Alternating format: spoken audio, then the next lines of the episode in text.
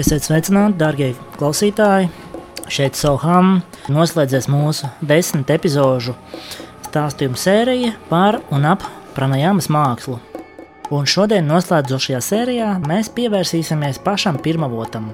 Tas ir senajiem jogas un arī tantriskajiem tekstiem, kuros ir pieminēta pranajāma un dažādas tās tehnikas. Noskaidrosim, ko par pranajāmu vēsta Upanišādi, kas ir atvasināti no vēdām, senajiem un svētajiem hindu tekstiem ar vismaz 5000 gadu senu vēsturi. Vēda nozīmē zināšanas, bet šīs ir zināšanas, kas nāk no apskaidrot cilvēku piedzīvotā, redzētā, saprastā gan dzīvē, gan dziļā meditīvā stāvoklī. Pats vārds upanišādas nozīmē sēdēt tuvu un labi izskaidrot to, kā šīs zināšanas tika nodotas no guru skolniekam, sēžot blakus guru un uzmanīgi klausoties viņa stāstījumā. Nu, bet aplūkosim arī citus tekstus, tā skaitā klasisko hatha jogas Bībeli, Hatha Yoga Pradipika, kā arī tantrisko tekstu Šiva Svarodaja. Un tieši ar citātu no šīs tantras sāksim un vēlāk arī noslēgsim mūsu stāstījumu. Un tālāk, dieviete jautā kungam Šivam, kas ir cilvēka pats labākais draugs? Uz ko Šiva atbild? Pats labākais draugs un pavadonis šajā dzīvē ir prāna. Nekas nav svarīgāks par prānu uz šīs zemes. Tātad prāna ir visa pamatā, un to mēs jau zinām no mūsu iepriekšējām sērijām. Savukārt Hatha Yoga Pradipika saka, kamēr vien prāna atrodas ķermenī, tikmēr cilvēks ir dzīves. Tiklīdz prāna pamet cilvēku, tā arī dzīvība to pamet. Tāpēc centies saglabāt un uzturēt prānu labā formā. Tā ir teikts Hatha Yoga Pradipikā, otrajā nodaļā, trešajā pantā. Šajā pašā tekstā un arī nodaļā 39. pantā ir teikts, ka pat Dievs Brāma un citi debesu iemītnieki praktizē pranajām, jo tas palīdz pārvarēt bailes no nāves un padara nemirstīgu. Savukārt mazliet cits jogas teksts Šīva Samhita 3. nodaļā 49. pantā ir teikts, ka gudrs un neatlaidīgs pranajāmas praktizētājs tiks atbrīvots no visām karmām, kas uzkrātas šajā un arī iepriekšējās dzīvēm.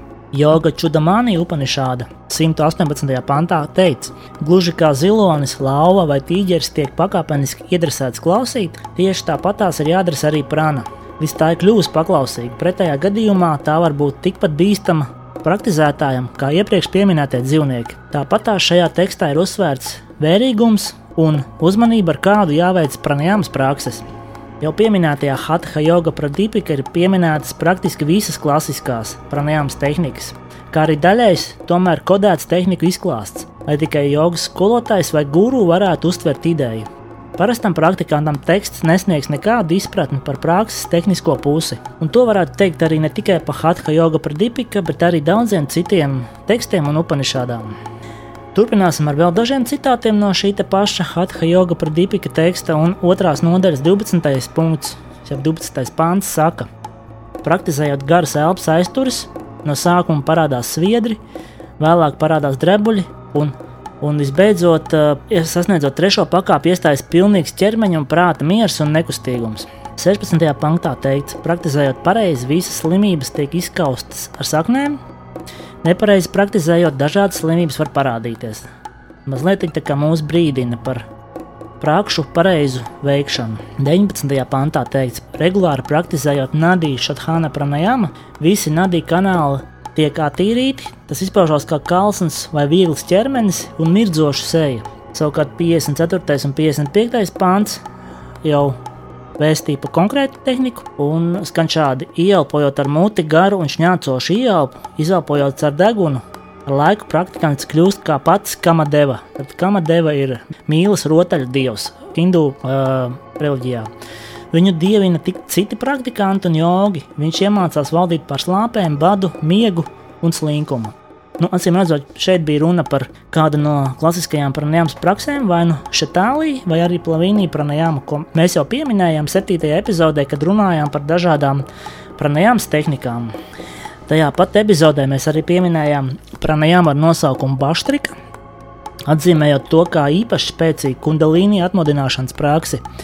Te citāts no 2. nodaļas 66. panta. Baštrika pranajāma strauji atmodina kundalīniju.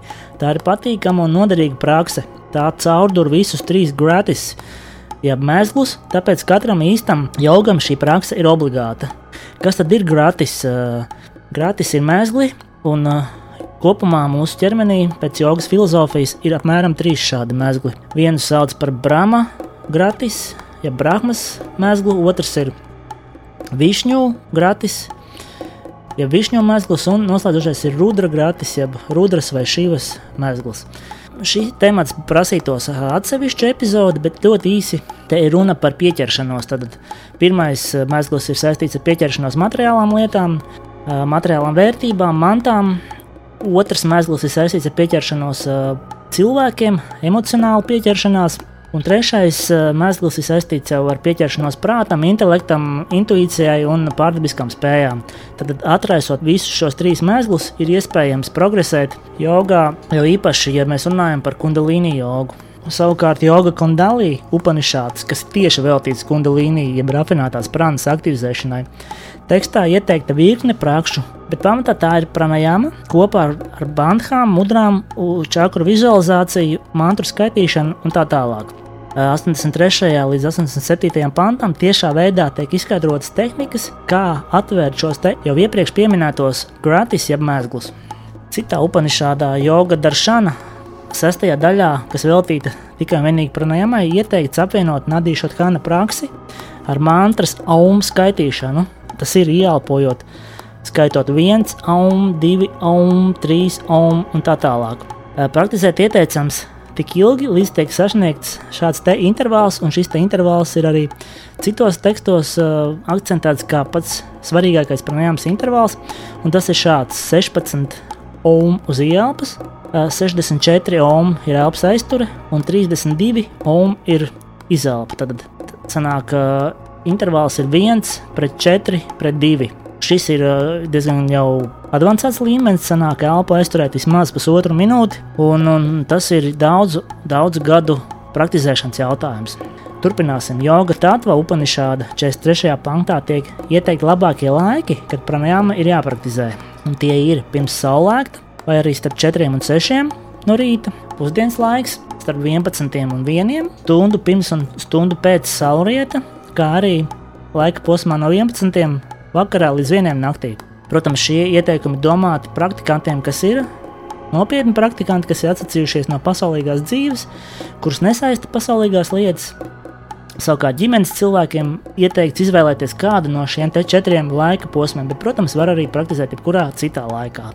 Un te jāpiezīmē, ka tie nav nejauši izvēlēti dienas brīži, bet ir īpaši svarīgi attiecībā pret Sauli, mēnesi attiecībā pret Zemi mūsu iekšējo dabu, proti, elpas plūsmu dažādos nadīgu kanālos. Un šie brīži, kad šie te, šī te plūsma mainās un uh, nereti plūst centrālais nadīgu kanāls, par ko mēs jau esam iepriekš runājuši. Un tas ir īstais brīdis, kad sākt praktizēt meditāciju. Šeit pat 68. un 67. pantā tiek stāstīts par jēdzienu Kavela kumbaka, Kumbāka ir elpas aizture, bet kavēla kumbāka nozīmē spontānu, jeb dabisku elpas aizturi. Par šo procesu ir rakstīts daudz senajos tekstos, ne tikai jogas, bet arī tantras tekstos. Tas ir process, ko var piedzīvot regulārs pranājums praktizētājs, iemācoties garas elpas aizturas. Proti, vienā brīdī elpa pati no sevis apstājās, un smadzenes kādu laiku nesignalizē par jaunas ieelpas nepieciešamību. Šo stāvokli pazīst katrs no mums. Es domāju, katrs to ir piedzīvojis šeit, tad pat arī nepraktizētāji.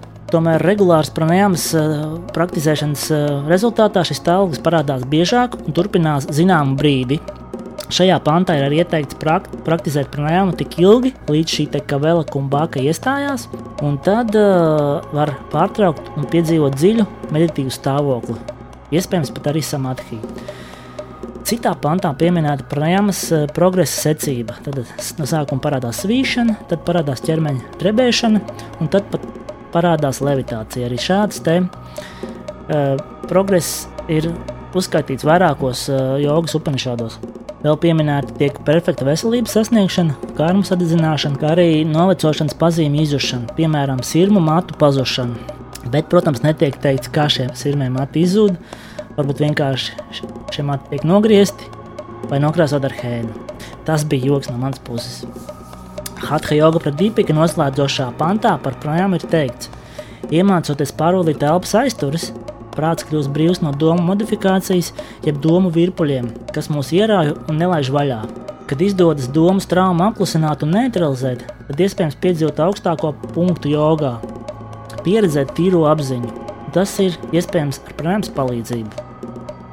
Savukārt, tantriskajā un ezoteriskajā tekstā šī varodaja, kas nav tik daudz pranājāmas, cik elpas ritmu, novērošanas un ietekmēšanas tehnoloģija, tiek ieteikta virkne darbību, kuras veicams vadoties pēc tā, kādā nāsī, kurā nāsī dominē gaisa plūsma dotajā brīdī. Piemēram, ja dominē saules vai labais kanāls, jeb labā nāsa, tad tas ir labvēlīgs laiks fiziskai aktivitātei un smagam darbam. Tāpat tās tiek ieteikts izkāpt no gultas nevienmēr ar labo kāju, kā māca mūsu sakām vārds, bet ar kāju, kas atbilst dominējušajai nāsas pusē, kā arī atrasties aktīvās nāsas pusē, savas aktīvās nāsas pusē, uzrunājot un ietekmējot cilvēkus, sarunu biedrus vai biznesa partnerus. Tiek dot ieteikumi arī intimitātes brīžiem, apgalvojot, ja vīriešu cilvēkam aktīvs ir saules kanāls, bet partnerei elpa plūst no kreisās nāsas, jeb aktīvs ir mēnesis kanāls, tad tas ir īstais brīdis nodarboties ar dzimumu dzīvi. Vēl šis ezotēriskais teksts ir slavens ar praksi, kuras nosaukums ir Čajopasana, kas izpaužas kā meditēšana uz savu ēnu. Ar šo praksi iespējams noteikt savu veselības stāvokli, slimības un pat savas nāves iemeslu un laiku bet par šo ezotērisko praksi, kā arī citām interesantām detaļām, ar ko nodarbojas uh, svara joga, kas ir aprakstīta šajā te šīvas varu daļa tantriskajā tekstā.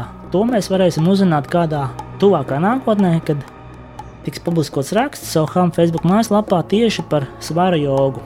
Pagaidām tas arī būtu viss. Protams, te varētu turpināt šo stāstījumu daudz un dažādi, bet uh, respektējot jūsu laiku un arī savu laiku, liksim tam punktu. Nu, tad arī ar šo mūsu desmit sēriju stāstījums ir galā. Ceru, ka esat uzzinājuši ko vērtīgu un noderīgu sev un savu jogas taku minot. Tuvākā vai tālākā nākotnē esmu iecerējis ierakstīt arī citus stāstījumus, turpinot jogas filozofijas tēmu, kā arī uzsākt jaunu stāstījumu sēriju par noslēpumaino un pārdabisko jogas pasaulē. Pirmā epizode paredzēta par sidijas, jeb pārdabiskajām spējām, kuras iespējams piedzīvot regulāri praktizējot jogu. Tas šoreiz arī viss. Paldies, ka klausījāties! Uz tikšanos un visu gaišu! So, ham!